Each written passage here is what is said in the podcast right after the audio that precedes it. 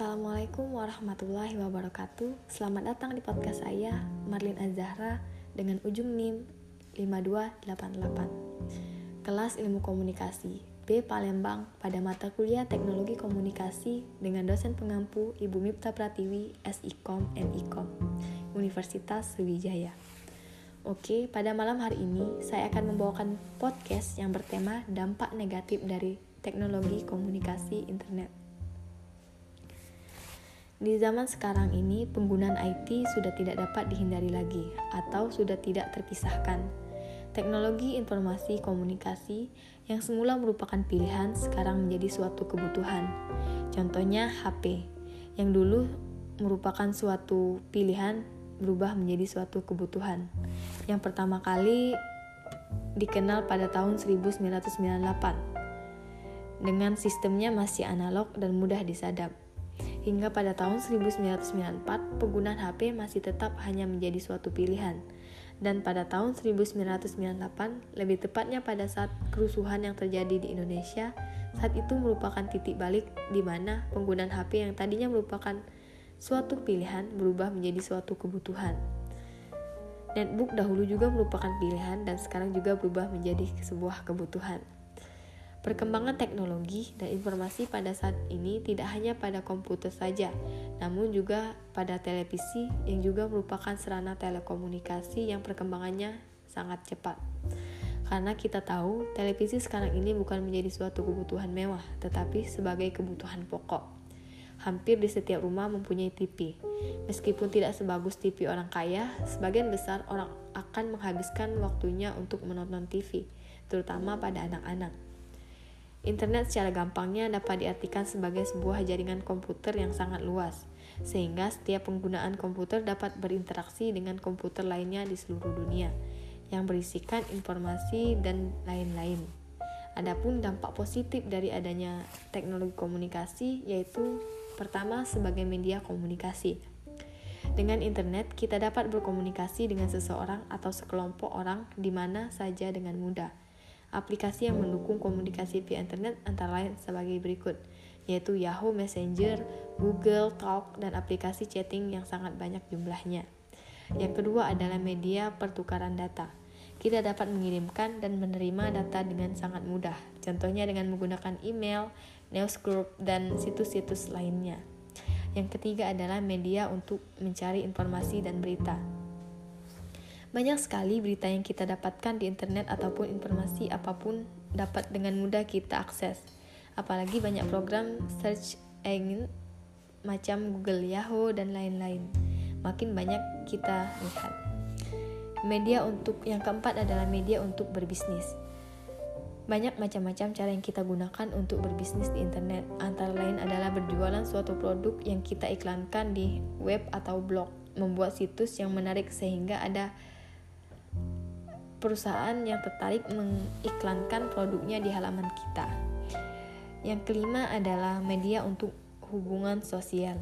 Aplikasinya berupa social networking seperti Facebook, Twitter, Instagram, Turk, MySpace, dan lain-lain. Yang keempat, yang ketujuh adalah sebagai media hiburan. Selain memberikan keuntungan, ternyata peralatan teknologi informasi dan komunikasi juga memberikan dampak negatif bagi penggunaannya Dampak negatif tersebut muncul sebagai akibat dari penggunaan yang salah atau tidak bertanggung jawab dari yang menggunakan.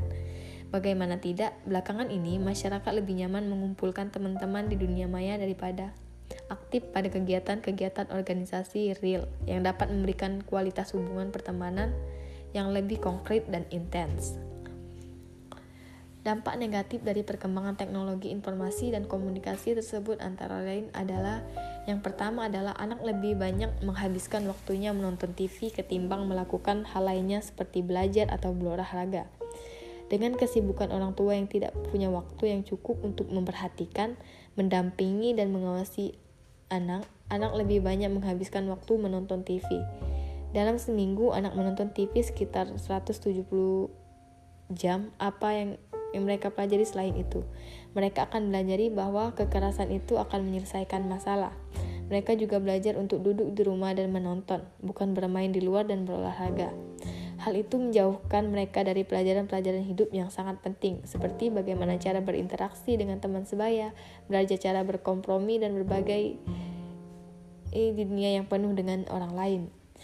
Anak yang kedua adalah anak kehilangan kemampuan berbaur dengan masyarakat dan cenderung nyaman dengan kehidupan online. Banyak orang yang memiliki ratusan atau bahkan ribuan teman di Facebook, tapi di dunia nyata mereka hanya memiliki beberapa teman dekat yang menemui, menemani keseharian mereka. Padahal jika terjadi suatu hal yang krusial pada kehidupan kita yang bisa membantu kita bukanlah orang-orang yang kita temui di dunia maya, tetapi orang-orang yang kita temui di sekitar kita. Yang ketiga adalah pelanggaran hak cipta. Hak kekayaan intelektual haki adalah hak eksklusif yang diberikan suatu peraturan kepada seseorang atau sekelompok orang atas karya ciptanya. Haki mencakup dua kategori yaitu kategori hak cipta dan hak kekayaan industri. Hak cipta adalah hak eksklusif bagi pencipta maupun penerima hak untuk mengumumkan atau memperbanyak ciptaannya maupun memberikan izin untuk itu dengan tidak mengurangi pembatasan menurut peraturan undang-undang yang berlaku. Sedangkan hak kekayaan industri menjadi paten, merek, dan desain industri, desain tata letak, sirkuit terpadu, rahasia dagang, dan varian tanaman. Yang keempat adalah kejahatan di internet. Kejahatan ini tidak mengenal batas negara dan teritorial, kapan pun dan di mana pun bisa muncul. Yang kelima adalah penyebaran virus komputer. Virus komputer adalah sebuah program yang berukuran relatif kecil dan bersifat sebagai parasit yang mampu hidup dan menggandakan dirinya menyerupai file maupun folder dengan sangat mengganggu pengguna komputer yang terinfeksi. Virus komputer penyebar melalui berbagai media termasuk media internet dan penyimpanan file storage seperti CD-ROM, disket, flash disk, hard disk, dan memory card. Yang ke enam adalah pornografi, perjudian, penipuan, tayangan kekerasan, dan berbagai peralatan teknologi informasi seperti TV, internet banyak menayangkan dan menampilkan tindakan-tindakan pornografi, perjudian, penipuan, dan tayangan kekerasan yang dapat cepat ditiru oleh penikmatnya. Nah, selanjutnya saya akan men menjelaskan cara mengantisipasi dampak negatif penggunaan teknologi informasi dan komunikasi. Kemajuan teknologi informasi tidak mungkin ditolak tetapi juga harus dapat dimanfaatkan agar tidak tersisih dan dari tata pergaulan masyarakat dunia. Salah satu jalan agar teknologi informasi dapat dimanfaatkan adalah dengan memberdayakan masyarakat karena semakin tidak berdaya masyarakat maka dampak negatif akan muncul dan merusak kehidupan.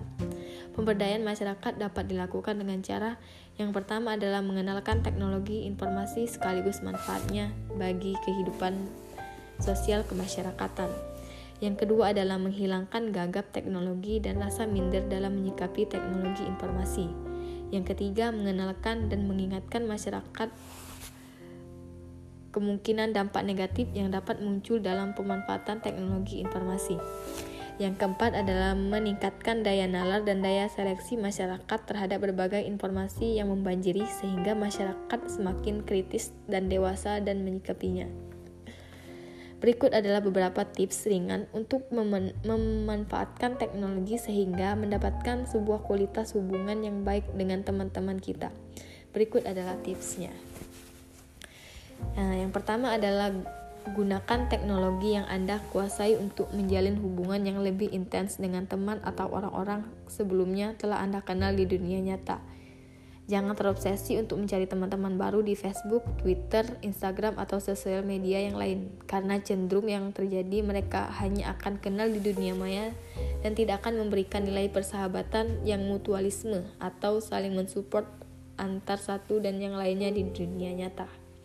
Yang kedua adalah jika Anda ingin mencari teman-teman yang baru di dunia maya, carilah komunikasi komunitas positif yang sering melakukan pertemuan di dunia nyata atau biasa dikenal dengan istilah kopdar atau kopi darat. Komunikasi seperti inilah yang benar-benar akan mengasah kemampuan komunikasi Anda, karena komunitas-komunitas ini sering kali memberikan kita inspirasi dan dukungan yang optimal pada kehidupan Anda. Yang ketiga adalah perlunya penegakan hukum yang berlaku dengan dibentuknya polisi internet yang bertugas untuk menentukan standar operasi, pengendalian, dan penerapan teknologi informasi. Yang keempat adalah menghindari pemakaian telepon seluler yang berfitur canggih oleh anak-anak di bawah umur dan lebih menguasai penggunaan telepon seluler. Yang kelima adalah perbanyak membaca buku-buku yang bersifat edukatif. Yang keenam, memperbanyak membaca buku yang menambah keimanan. Yang ketujuh adalah memperbanyak aplikasi komputer yang bersifat mendidik. Yang kedelapan adalah harus bisa mengatur waktu antara berada di depan komputer atau internet atau bermain games dengan porsi belajar dan istirahat. Gunakan waktu seefektif mungkin dan seefisien mungkin. Yang selanjutnya adalah perlunya mewaspadai terhadap tayangan televisi yaitu dengan yang pertama adalah mewaspadai muatan pornografi, kekerasan dan tayangan yang mengandung kekerasan. Yang kedua adalah memperhatikan batasan umur penonton pada film yang sedang ditayangkan.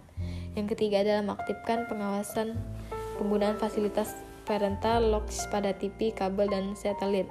Yang keempat adalah menghindari penempatan TV pribadi di dalam kamar. Nah, selanjutnya adalah perlunya kewaspadaan terhadap penggunaan komputer dan internet yang meliputi pertama adalah mewaspadai muatan pornografi digital baik online maupun offline, mewaspadai kekerasan pada permainan atau games komputer.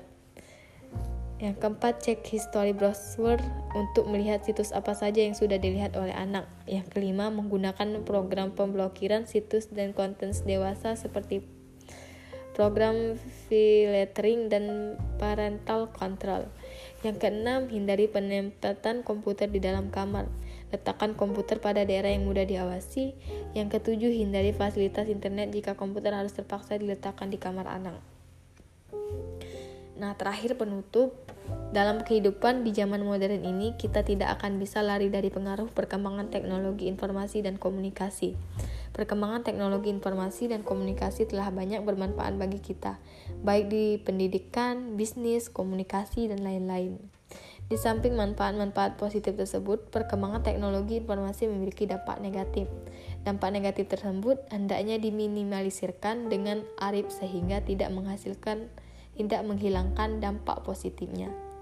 Oke, itu saja podcast saya pada malam hari ini. Semoga dapat dimengerti. Terima kasih.